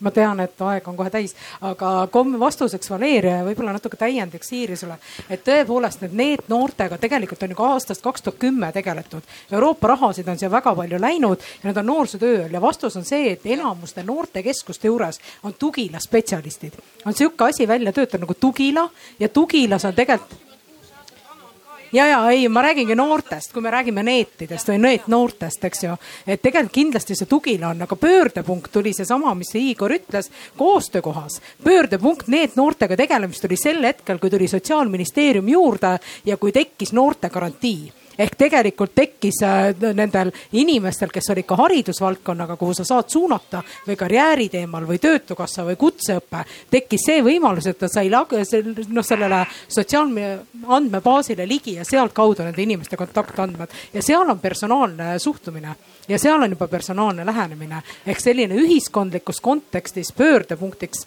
noh, saaks ikka seda lugeda rohkem, aitäh ma korra veel siit äh, ütleks selleks kommentaariks, et ma tõsiselt loodan, et KOKS-i nüüd tuleb sisse ikkagi see punkt, et KOKS vaatab seda noort kuni kahekümne nelja või kahekümne kuuenda eluaastani. et see, see vaidlus on, see teema on, et siis me ei peaks neid taga otsima et siis, kui ta noh, kui juhtub nii, et ta formaalharidusest välja langeb, eks ju, ja KOKS-il on kohustus äh, vaadata, kuhu ta siis kukub et siis, siis on meil võimalus neid ka leida, et seda Põhjamaades on see nii. ma tean, Rootsis on, Taanis on nii, et, et kuni kakskümmend neli nad ikkagi jälgivad. aga see on praegu väga äh, mõnusalt läinud sujuvalt üle äh, kolmandasse äh, plokki järgmiseks kolmekümneks minutiks, et, et liigendaks natuke, et, et soojendus on tehtud küsitud on olulisi valusaid kohti, natukene on juba liigutud mingi lahenduse pakkumise suunas et äh, aga võib-olla mõtleks, mõtestaks korra terviklikumalt ka. Mingisugune teema, mis teil on endal oma professionaalse kogemuse tõttu on, äh, on, on südamel ja on ka mingi lahendus äh, välja pakkuda. Ehk vaba hariduse poolt ja vaba haridust võimaldavate inimeste, ettevõtete poolt sellised lahendusteed kahes eelmises plokis läbi käidud probleemide lahendamiseks ja et, et mida peaks äh, veel midagi juurde tegema, et, et need lahendused ka realiseeruksid, tuleksid välja. et Tiiu alustaks ahhaa, ma mõtlesin, Siirus, et sinu kord oli, aga olgu peale. ja, ja, ja praegu jookseb ilusti. Ja Janne eh, väga ilusti eh, tõid välja selle, et, et tõesti noh, on mingisugused lingid juba, eks ole. Aga need, no ma olen ka vanemate inimestega palju tegelenud tähendõppe talituse juhatajana kunagi akadeemias, meil oli, meil oli isegi selline eh, koolitus Tere tulemast pensionär muuseas et, et me peamegi mm,, eh, üks põhilisi probleeme on see, et me tegelikult väga mõtleme digiväljapõhiselt aga inimesed praegu näiteks see vaktsineerimise teemad praegu, paljud ei, ligipääs infole, kust saab mida saab metsa taga, keegi isegi tuleks, mäletab, kui me põllu peal käisime eelmisel kevadel, metsa taga mehed ütlesid, et nad isegi tuleks. Ja, ja väga erinevas vanuses. et mina näen korra ütlen si vahele, et me tegime küsitlust kuidas teid kätte saada, sõbrad, ja kõndisime põõsaaluseid ja bussijaama taguseid pidi. no igatepidi ikka päris jah, jah, uks, poe taga ka käisime ja, ja, ja minu jaoks on nagu probleem just selles, et, et kes ei ole selles infoväljas kus me kõik teiega oleme. Ja tundub, et kuidas nad ei saa kätte. vaat see seltskond, keda ma nimetan loobujateks, kes on kusagil kaugel-kaugel ära. Ja, ja et kuidas neid kätte saada, neile pakkuda seda, et no proovi siis natukene, see ei ole üldse õpe. Tule lihtsalt välja, tule, et äkki tal ongi ka kuul-, kokku kuulumisvajadus, mis on paljudel, siin on väga palju funktsioone tuleb välja üldse igasugusel õppel ja vabaharidusel et, et see on see eh, tule, eh, minu meelest lähituleviku eh, Vabaharidusliidu ja kogu meie seltskonna teema, et, et kuidas adresseerida seda inimest, keda, keda me, kelle pärast me täna siin teiega üldse arutame. ja mul oli seal igasuguseid ideid, noh, et, et me peame me täna räägime kohalikust omavalitsusest ja formaalharidusest ja, ja siis kuidas projektid on meid suunanud siia-tänna, et kui lükkaks need kõik kõrvale ja mõtleme, et, et see inimene, kes nagu üldse kusagil käi, ei käi, aga tegelikult ta vajab. ta käib ju poes leiba ostmas. et kuidas me ligi pääseme, kas on juba uus teema? aga ei, ei, ma, mul kohe kiusa, kiuslik küsimus tuli, aga mispärast äh, ülikooli näiteks vastav äh, keskus ei saa seda teha, sest neil on äh, ju kvaliteetne äh, teenuse pakkumine ja muu kraam vabaharidus on ju see, kus ei saa kvaliteeti kontrollida, et, et, et miks, miks nemad ei saa teha nii, nagu praegu ministeeriumil on kavas? Äh, väljundipõhisus, väga formaliseeritud. Äh, vaba haridus on ikkagi, äh, kui me võtame seda mm, sellena, et, et me, me vormistame need paberid pärast, tule proovi, katseta et siin ongi väga palju, meil on tekkinud, vaata riik saab valmis siis, kui bürokraatia on valmis ja nüüd me lammutame seal ministeeriumis vähemaks edasi. et see, see etapp peab läbi saama, sest uus aeg on. Ja alustame uuesti. Ja alustame uuesti iseregulatsiooni teelt, alustame uuesti alt ja üles ja lähme julgelt metsa taha, no toon praegu sellise näite ja küsime, et mis sul vaja on, aga sul polegi vaja, aga äkki pakume seda. Ja tulebki. ma arvan, Ansori juhtis võib-olla su tähelepanu sellele, et, et ülikoolil on mingi mingid kindlad äh, kanalid, kus tal sobib väärtuslik, tähtis, nagu ta on, kus tal sobib infot edastada küsimus, et need, kes seda kõige rohkem seda infot kätte saaksid, et kuidas nemad selle info kätte saaks. vaat vaba haridus on, ma arvan, piisavalt vaba, et riputada näiteks oma infopoodi leivaleti kõrvale mingid väiksed öö, flaierid. Tule sõber, meil on lahe. äkki võta, võta, võta koos leivaga, võid mitu flaierit võtta, võta ema jaoks, isa jaoks ma ei tea, mis iganes, kus jaoks. et see on see piir võib-olla, et kus nagu ülikool sinna ikkagi noh, halb on öelda, et sinna tasemele ei lasku, aga noh, mõte jääb samaks, eks ju, et, et kust tulevad need piirid edasi. aga kui ma juba siin rääkima hakkasin, et äh, tegelikult äh, me kogu aeg tegeleme tagajärgedega. me vaatame, et me oleme hästi ummikusse jooksnud ja nüüd me hakkame tegelema tagajärgedega ja me oleme ära unustanud täiesti ennetustöö et me muretseme, et meil kukuvad noored kuskilt välja, eks ju, ja siis need, me imestame, et kasvab terve põlvkond inimesi üles, kes toodab võib-olla ka riigile mitte nii, kuidas ma siis nüüd ütlen pehmelt äh,. jah, riigile mitte nii. Ühesõnaga kasvab põlvkond selliseid inimesi, kes, äh, kelle pärast riik peab pidevalt muretsema ja oma energiat sinna kulutama.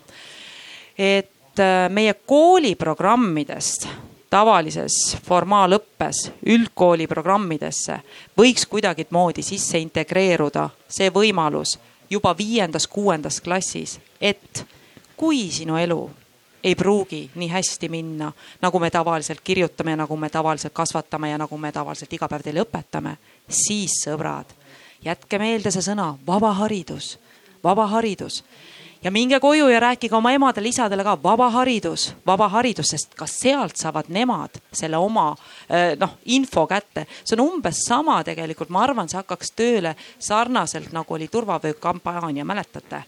Kuidas lasteaiast saati hakati õpetama lapsi, et turvavöö peab olema peal, kui hakata sõitma ja lapsed ei lasknud vanematel autost sõitma hakata, kui turvavööd peal ei olnud.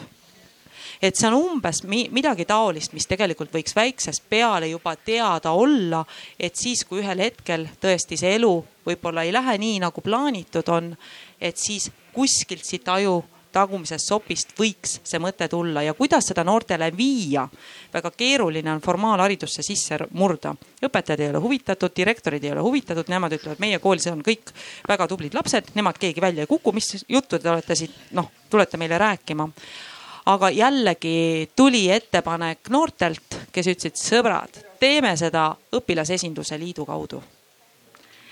külvame neile selle info, nemad levitavad kohapealsetesse õpilasesindusse selle info ja sealt edasi jõuab see vanemateni ja võib-olla ka tuleviku põlvkonnale, kuni nad siis kasvavad suureks.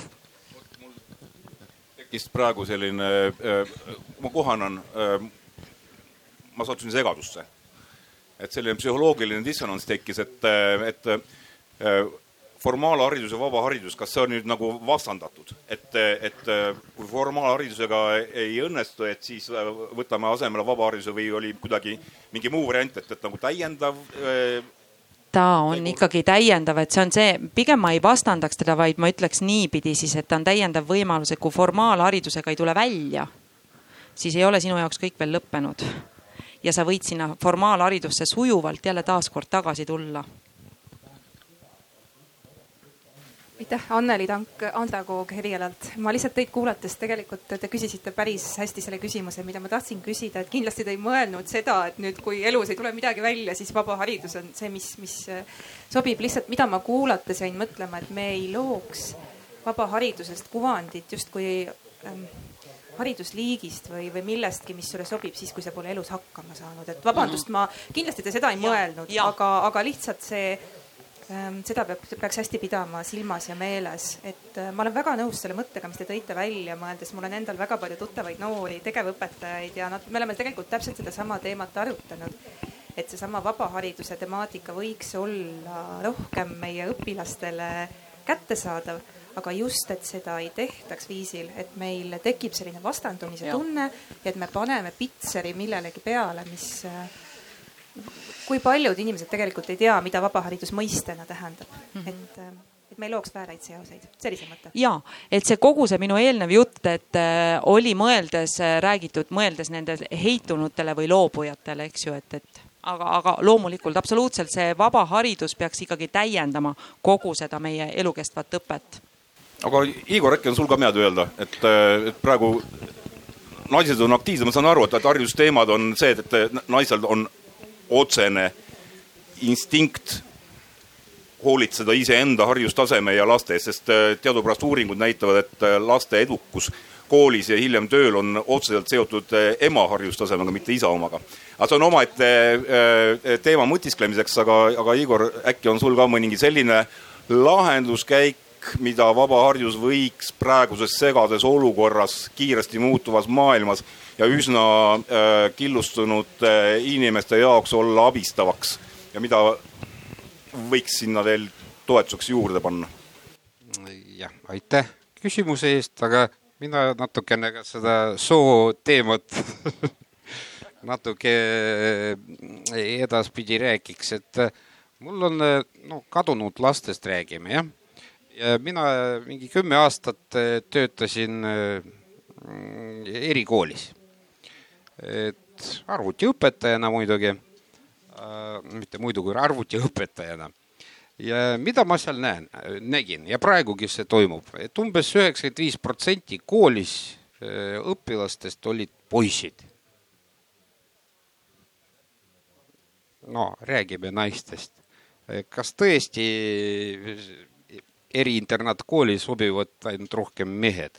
mina küll arvan, et hariduses on üldse äh, soolised probleemid niisugused, et eh, neid mehi peaks sinna haridusse kindlasti rohkem.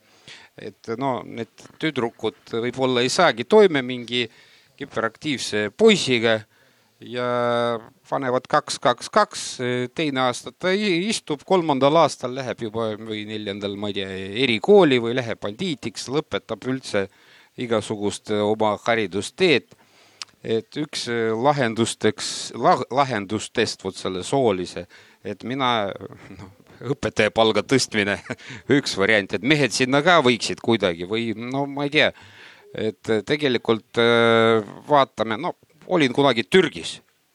Ja seal kõige rohkem saavad äh, politseinikud, sõdurid ja õpetajad. kõige suure palga, suuremapalgalised töölised on no riigi poolt ja neid austatakse. no sinna lähevadki paremad inimesed. Äh, ja et see on üks asi, kuidas võiks lahendada. tegelikult ju äh, formaalhariduse ehk aineõpetajate palku ju äh, riiklikult järjest tõstetakse, praegu küll jään natukene seisma, sellepärast et meil on Covid situatsioon. aga, aga kas ma sain sinust õieti aru, et, et sina näed nagu, nagu lahendusteed pigem formaalhariduses aga mida sa näeksid vabahariduse poole? jah, et formaalhariduses neid mitte mõtle, kaotada, mitte kaotada sama neid. peale, et, et, et, et sa ütlesid, et, et mees eeskuju ja meesõpetajat on vähe, et, et, et no, kas on midagi peale palga tõstmise veel?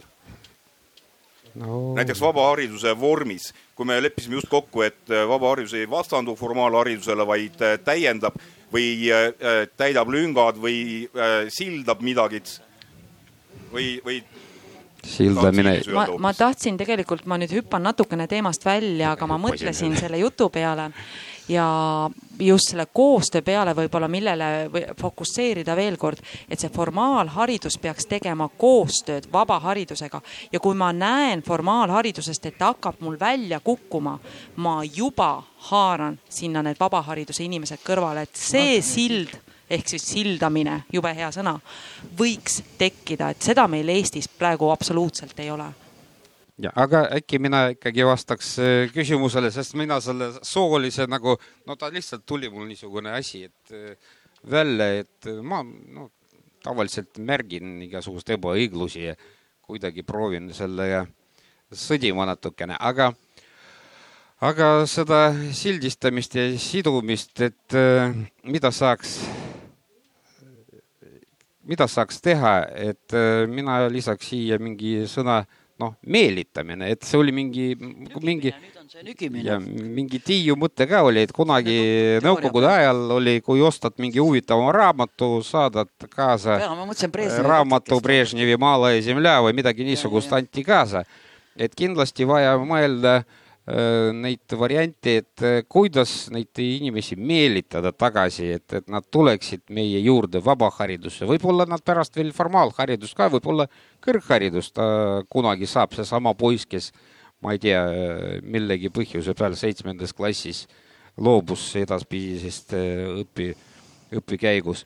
ja no neid äh, muidugi neid präänikuid võiks väga palju igasuguseid välja mõelda, üritused, äh, ma ei tea, no arvuti jälle nende sõltu, sõlt-, sõltlastele saab enda omasid.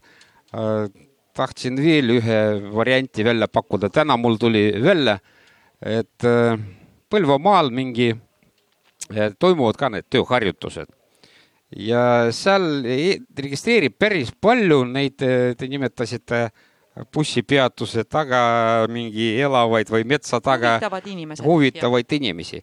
Ja nad ja ka seal super ko- kombe oli, et Töötukassa no mingi spetsialist käis kogu aeg alguseks no sinna esimeseks päevaks. Ja oli seal päris pikka aega. Ja nad kõik, no seal erinevad mooste, seal mingi Räpina, seal igasugused külad on. Ja iga kord tulid kõik mehed välja. Ja nende eesmärk oli läbi sõimata. Vähemalt seal. Töötukassad, Vabariigi Valitsus, vallavalitsus, kõike, vot sinna need mehed küll, et neid präänikuid ja meelitamiskohtasid äh, võiks päris palju välja mõelda. Ja nad ainult sellepärast tulidki sinna tööharjutustele, et ennast välja äh, nagu rääkida ja vot noh, niisugused mõtted mul tekivad siin arutelu käigus. väga, väga huvitavad mõtted. Tiiu, sa oled juba, juba kibelad hästi kiiresti. ei, võta endale aega. ma toon lihtsalt, ma kuulan Igorit ja, ja, ja Siiriust ka, et tahaks ikka kultuurilooliselt jälle tagasi vaadata. see, mis sa rääkisid, et mehed tulevad ja sõimavad ja, ja, ja no see on vana kõrtsilaua see printsiip, et ja kiruti, eks ole, mõisniku edasi, see on mõte, paneme kirja. kõrts ja, ja koolitus ja midagi sellist, trahter või midagi. see on üks mõte. teine, ma, ma näen, ma olen täna ajaloolasena siin ka. kultuurilooliselt jällegi, mehed, mehed, mehed, kus te olete, jah? Igor, anna andeks, tegin nalja, aga meil on olnud ajaloos selline lugu. kahekümnenda sajandi algul loodi Noorsookasvatuse Selts, et tuua tagasi, et mitte tuua, vaid tuua tütarlapsed koolidesse. Ja, ja kaks tuhat kuus, tuhat üheksasada kuus, eks ole, täiskasvanu, see tütarlaste gümnaasium, eestikeelne edasi ja ma toon lihtsalt näiteid, siis kusagil nullindatel, kui need projektid käima läksid, ma vist kunagi omavahel rääkisime, Võrumaal ju naised lõid sellise projekti, et mehed-poed, aga ära või tagasi. nii et noh, neid on igasuguseid katseid on proovitud. ja, ja kolmas, neljas, viies, ma kohe lõpetan. noh et on üks teooria, et, et, et teo-, et um, tehnoloogia müksab meid kogu aeg, vaata, me kogu aeg peame vaatama, et kui me mõne asja jälle selgeks saame, keegi ei õpeta, võiks Siriuse juurde minna õpetama, ta hästi õpetab ja Igor, sa pead ise hakkama saama, aga, aga et kui me vaatame täna um, selle Covidi vaktsineerimise kampaaniat, see on see nügimise um, printsiip, et no, no me ei saa üle ega ümber ja vaat nüüd ma tõin siin ajaloolisi valikuid ja igasuguseid, mis meil on. kuni, kuni selle Brežnevi pakikeseni välja, et, et ja, ja, ja välistame veel selle tehnoloogilise välja ikka uuesti, no mina tahaks nagu välistada, minna inimese juurde. olin nüüd hästi kaugel läksin ja palju ja segane, aga ma loodan, et mõne mõtte saime siit nii et meil on siin vaba hariduse äh, võimalused, et on meelitada, sillata täiendada, nügida, nügida, ennetada, müksata ja, ja ennetada, et, et kõik need asjad, mis peaks seda, seda äh, ikkagi stabiilset, stabiilsus on vajalik, on ju äh,, süsteemi toetama siis nende turbulentside ja, ja servade pealt. selge, kas kuulajatel on meie, selle kohta midagi kosta või küsida äh,? siin oli esimene, siis tuli teine kui me räägime lahendusest, mina pakuks kaks tükki väga konkreetset, üks on täiskasvanud need, kes pärast ka, nagu kasvatavad meil lapsi. et see elukestev õpe, täiskasvanute haridus ja seal sees ka vabaharidus oleksid ikka kohaliku omavalitsuse vastutus. Selleks, et aidata, mitte et nemad ise seda teevad, vaid aitavad ressurssidega, ruumidega, rahadega, projektidega ja normaalselt delegeerivad seda kolmandale sektorile, aga orgunnitud, siis me saame nagu kontrollida ja nagu kuidagi aidata seda kooliteemat, et ma küll pakuks, et me peame juba no juba praegu seda kooliprogrammi ümber vaadata. et näiteks mina olen kiusamisest vabaks seda programmi koolitaja ja tean, et lihtsalt ei ole selleks aega koolis. konfliktide lahendamine ja kuskil pärast, kuskilt lisatund, aga see ei ole tähtis. kõik need vabateemad, kõik kogemus, mida on praegu nii kättesaadav, selleks ei ole praeguses koolis aega ja me peame ka sellest rääkima, kuna me iga aasta teeme ja teeme ühte ja sama vigu seal selle KOV-ide kohta ma tooks nagu välja, et tegelikkuses ei ole ka vaja raha, on vaja ainult äh, head tahet. et kui KOV nüüd, kelle juurde reeglina satub ka inimene, kas ta siis soovib mingit toetust saada või mingit haigekassat või mis iganes. Kui KOV oleks nõus, et sõber, enne kui me sinuga selle jutuga edasi läheme, mine siia kõrvaltuppa korra, et noh, seal on ka üks tore inimene, räägi temaga jutud ära, tule siis tagasi. ja seal kõrval ootaks vabahariduse inimene teda, et räägiks võimalustest. kas see oleks juba suur samm edasi, me ei räägi rahast üldse aitäh, hästi palju mul tekitas kohe vastu mõtteid, aga needsamad mõtted sellest, et kuidas on ühendatud või mis on sillaks, et noh, kogupäevakool, kui me rääkisime just kooli tasandist, ma arvan, olete ju kuulnud, eks ju, mis on ju hästi selgelt tegelikult ühendatud vabaharidus, formaalharidus, seal on noortekeskus, huvikool, jutt äh, samast, et äh, õpilased vabahariduses osalevad, nad käivad seitsekümmend protsenti kooliõpilasi osaleb huvihariduses, mis oma olemuselt on tegelikult vabaharidus, eks ju, aga kuidas me teda liigitame nimetame või nimetame ja kuidas me nagu ütleme neid sõnu. aga ma pakuks ühe lahenduse, et see algne küsimus, mis oli, et meil on varsti tööturul seitsekümmend protsenti inimesi, kellel ei ole midagi teha et ühest küljest on see tõesti see süsteemi viga. me teame ju kutsehariduses osalevad meil kõrgharidusega inimesed, doktorikraadiga.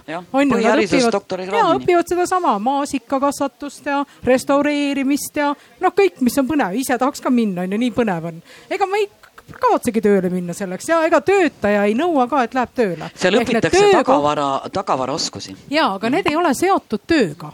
Nad on teatud toimetulekuga ja kui me keskendumegi sellele, et me tegelikult õpetame ju inimest praegu noh, Tampere ülikool on ju teinud neid katseid, et nad on nüüd vist viimased kolm aastat õpetavad, võtavad ülikooli vastu inimese ja tal on kolm aastat bakalaureuse tase ainult sotsiaaltaseme haridus.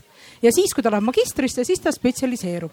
noorsootöö, hooldus, vaatame, mis on, ehk ta saab mingi üldoskust asja. noh, kuigi ta on valdkonniti, eks ju, määratletud, et äh, tegelikult ta peabki ise toime tulema. ma ise uurin oma doktoritöö raames äh, selliseid õpetajaid, kes töötavad lisaks koolile siis kuskil mujal ka, et nüüd on selline viisakam väljend tulnud, varem nimetati neid moonlighting ja noh, sihuke natuke varjundiga, aga täna öeldakse, need on slash karjäär.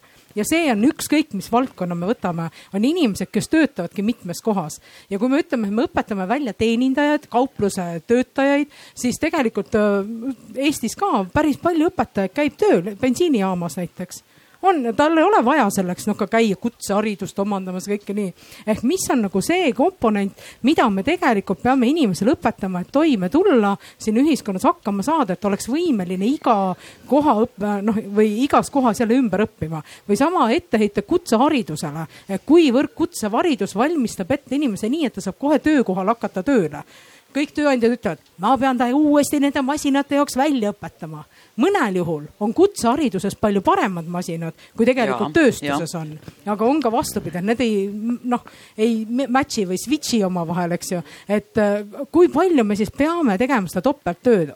töötame selle inimesega, tema valmisolekuga ja siis anname tööandjatele ka rahaliselt selle osa, et nemad valmistavad ette selle erioskuse, millega ta oma tööl hakkama saab.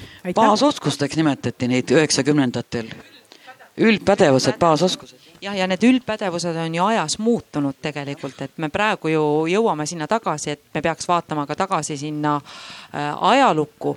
meil hakkab ära kaduma näiteks selline pädevus äh,, ütleme kolmekümne aastaste hulgas äh, pluss-miinus söögi tegemise oskus kodus niimoodi, et null, null nendest on, ma, ma ei taha liiga teha siin noortele, eks ju, et, et kes võib-olla mõni kolmekümne aastane vaatab mulle väga nõudliku näoga praegu otsa, et mis mõttes on ju. ja meil on äh, väga tugevaid äh, kokkasid, noori kodukokkasid, mis nad teevad, aga kui me vaatame üldist sellist äh, äh, käitumismustrit, et see on muutunud, et meil lapsed, noh, kui ma näen koolis lapsi, eks ju, siis mida nad söövad? Kõige rohkem makarone ja viinerit jah, hamburgerit jah.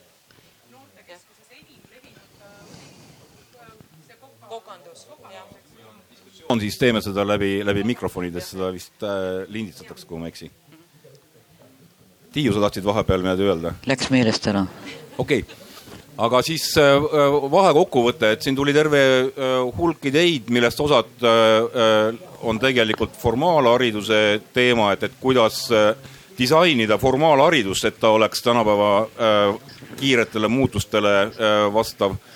siis tuli terve äh, hulk ideid, et äh, et, et kuidas äh, formaalhariduse äh, sellise nurklikkusega äh, seotud aukudesse siis tekiks mingisugune sisu, mille peamine, ma katsusin kaasa mõelda kogu aeg et peamine ülesanne on, on hoopis aidata inimesel õppida mõtlema ja, ja kuidagi suhtestuma positiivselt. tundus mul niisugune lugu.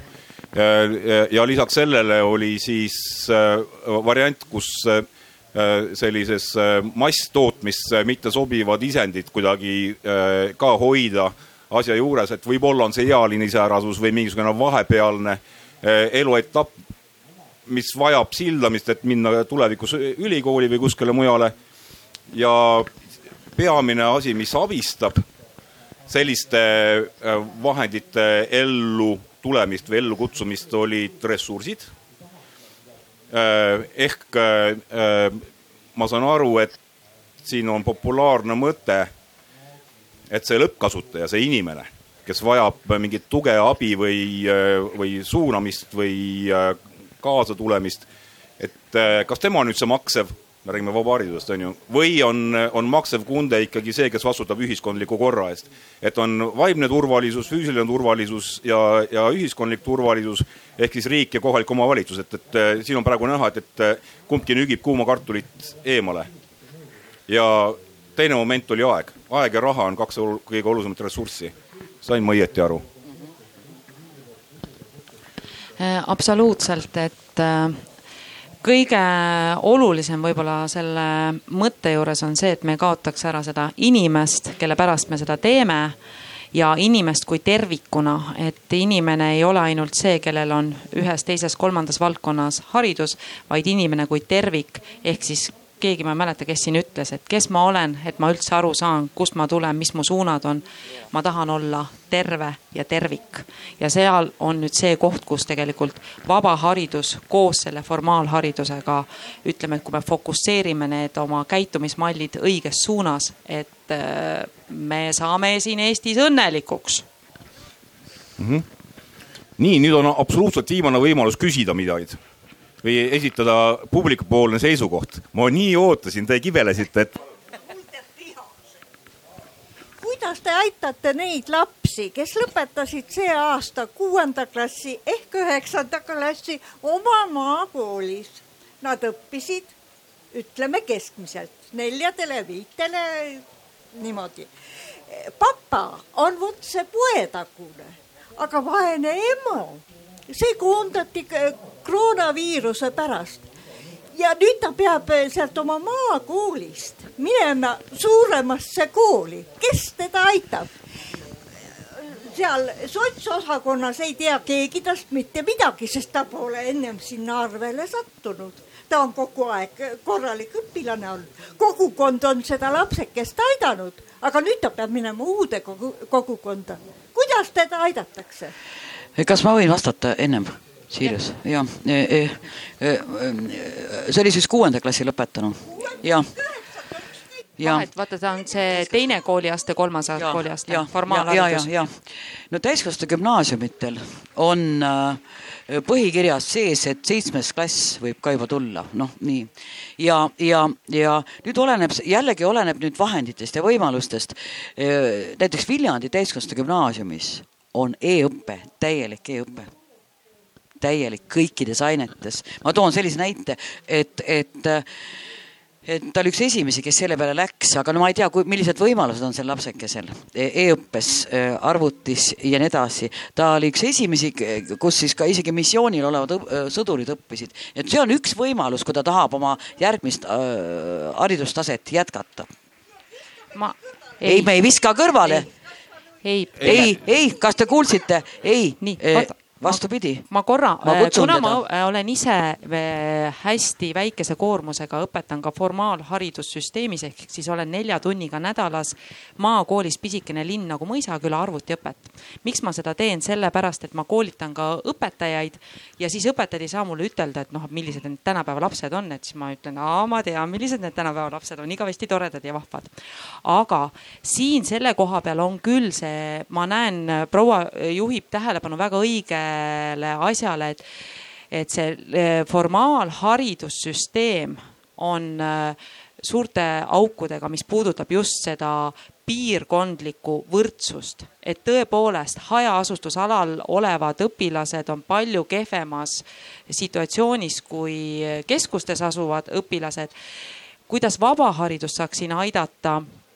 Äh, vaba hariduse käed tegelikult siinkohal natukene jäävad lühikeseks, et siin selleks abiliseks ikkagi peaks olema KOV, kes võiks empaatiavõimelisem olla ja toimetada, aga see probleem on suur. et vaba haridus saab appi tulla siis, kui noh, ütleme, et kui tekib mingi probleem, et, et äh, inimene ei, ei mingil põhjusel ei soovi nagu formaalhariduses jätkata, et siis saab vabaharidus äh, appi tulla, aga praegusel juhul pigem ikkagi on see meie sotsiaalsüsteem ja ma arvan, mida rohkem me häält nagu sellel vallas teeme, et seda rohkem lahendusi me nagu saame välja mõelda, aga see on väga-väga suur probleem, ma olen nõus.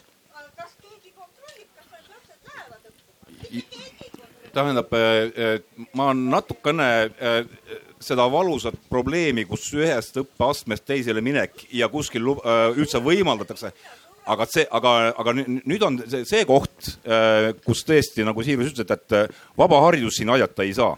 sellepärast, et laste äh, eest vastutavad lapsevanemad ja kooli ees ja kooli ees vastutavad koolipidajad. et, et kindlasti ma jätan selle meelde, sest ma, mind palutakse teinekord äh, minna kuskile töörühma, meie läheme ka, et me, me tuletame meelde, et, et, et formaalhariduses on selline probleem, mis vana äh,, vanaemad ajab täiesti närvi mustaks, aga, aga seda ei saa kahjuks meie äh, lahendada ja äh, ikkagi mul ük- tuleks tagasi vaba hariduse juurde, et me oleme läinud juba üle aja, et Jah. tõmbaks nagu koomale. ma Koos- ühe hästi väikse kommentaari ütlen, mul tegelikult vaba haridus natuke saab aidata küll. vaba haridus saab aidata seda isa ja ema. et see, see on koht. aa, see on, see on hea, hea asi, et, et kui antakse sotsiaalabiraha, siis antakse ka ülesanne, et, et käia vabahariduse kaudu õppimas lapsevanemaks. näiteks. Aga praegu on jah et tõesti, et tegelikult meil on noh, Rajaleidja keskus on lõpuks see, kes on nagu siis, kui laps on juba hädas. ja teine asi, mis kindlasti võib-olla võiks kõlama jääda, see vaba haridus on küll, sest näiteks tugiõpilaste liikumised, need, mis on praegu on tuutorlused, mentorlused, koolid hästi palju teevad seda, aga ta on seal sellise nagu mitteformaalses vormis ja nad panevadki neid tugiõpilasi, et pigem aidata võib-olla seda kooli, et ta leiaks neid programme ja meetodeid, kuidas pakkuda õppijatele tuge. aitäh ta on kahe kooli vahel, jah, see. aga, aga jätkaks seda teemat edasi, sest see väljub väga räigelt praegu vabahariduse teemast. et, et na- nagu näha, et vabaharidusega tundub olevat kõik hästi, sest kui niikaua, kuni rääkisime vabahariduse võimalustest ja sellest, kuidas see saab toetada meil nii süsteemi kui inimest, siis oli naeratused ja üksteise mõistmine ja, ja äh, väga teravaks läks olukord siis, kui äh, äh, tõesti on, tuli välja formaalhariduse need kärisevad õmblused. et, et jah, siin on, mille üle mõelda, aga tõmbaks nüüd kokku, et, et meil oli väga äge, eriti lõpus ägedaks läinud poolteist tundi et, et, et mis on need, need peamised mõtted, millega nüüd panelistid tulevad siin tagasisidest lähevad edasi homne, homsesse päeva ja sedasama vaba hariduse asja edasi ajama. peamine mõte või peamine teadasaamine? noh, tegelikult sa juba kasutasid mitmeid neid mõisteid, et, et, et see on, see on selline koolitusvälja valdkond ja kogu valdkond, mis on ikkagi sildav ja, ja vähemalt probleeme lahendada püüdev valdkond ja, ja, ja uute võimal-, uusi võimalusi pakkuv valdkond. ma tahaks ainult sellised märksõnad hetkel lõpetuseks tuua ja aitäh kuulamast. jah, et äh, no mul muidugi kõige tähtsam mõte vist on siin, et äh, tuua inimeste juurde seda infot, missugused võimalused on. et meedia, ma ei tea, üksteisele edasiütlemine keegi käis, räägib, no kõik variantid eh, teretuletavad, aga kindlasti inimesed peavad teadma kõiki neid võimalusi. no meil on nii väike riik, et üle Eesti võiks olla kogu see info ka kuskil olemas ja kuidagi seda ikkagi mingis kohas jagada, kas või naaberkabinetis või kuhugi igal pool suunata ja, ja kohalikud omavalitsused muidugi ka peaksid siin päris palju tööd teha veel, aitäh ma nimetaks seda www võimaluseks, tähendab www süsteemiks. kui me Eestis äh, tagame selle võimalus vabalt valida, siis kõik muu hakkab ise liikuma. näha, et äh, siin oli vastastikune vahetus et äh, panelistid said rääkida oma sõnumi, äh, kuulajad said rääkida oma arvamusi, seisukohti ja sõnumeid ja äh, lõpp ja kõik ja kokkuvõttega ma siis tõmbaks sellele viimasele pooleteisttunnisele joone alla. aitäh teile, loodetavasti kohtume ka edaspidi, võib vastastikku aplodeerida. selge see.